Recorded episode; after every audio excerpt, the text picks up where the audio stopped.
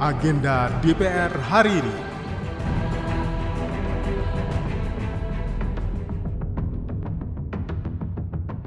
Pagi, apa kabar? Kembali lagi di agenda kerja Wakil Rakyat hari ini, Kamis, 1 Desember 2022, bersama saya, Tiara Mustika. Acara hari ini berlangsung pada pukul 10 pagi dengan Komisi 11 yang akan melaksanakan rapat panitia kerja rancangan undang-undang tentang pengembangan dan penguatan sektor keuangan atau RUU PPSK. Demikian agenda DPR hari ini. Simak dan ikuti terus kegiatan DPR RI dan dengarkan siaran langsungnya melalui website tvr.dpr.go.id/radio. Saya Tiara, sampai jumpa. Agenda DPR hari ini.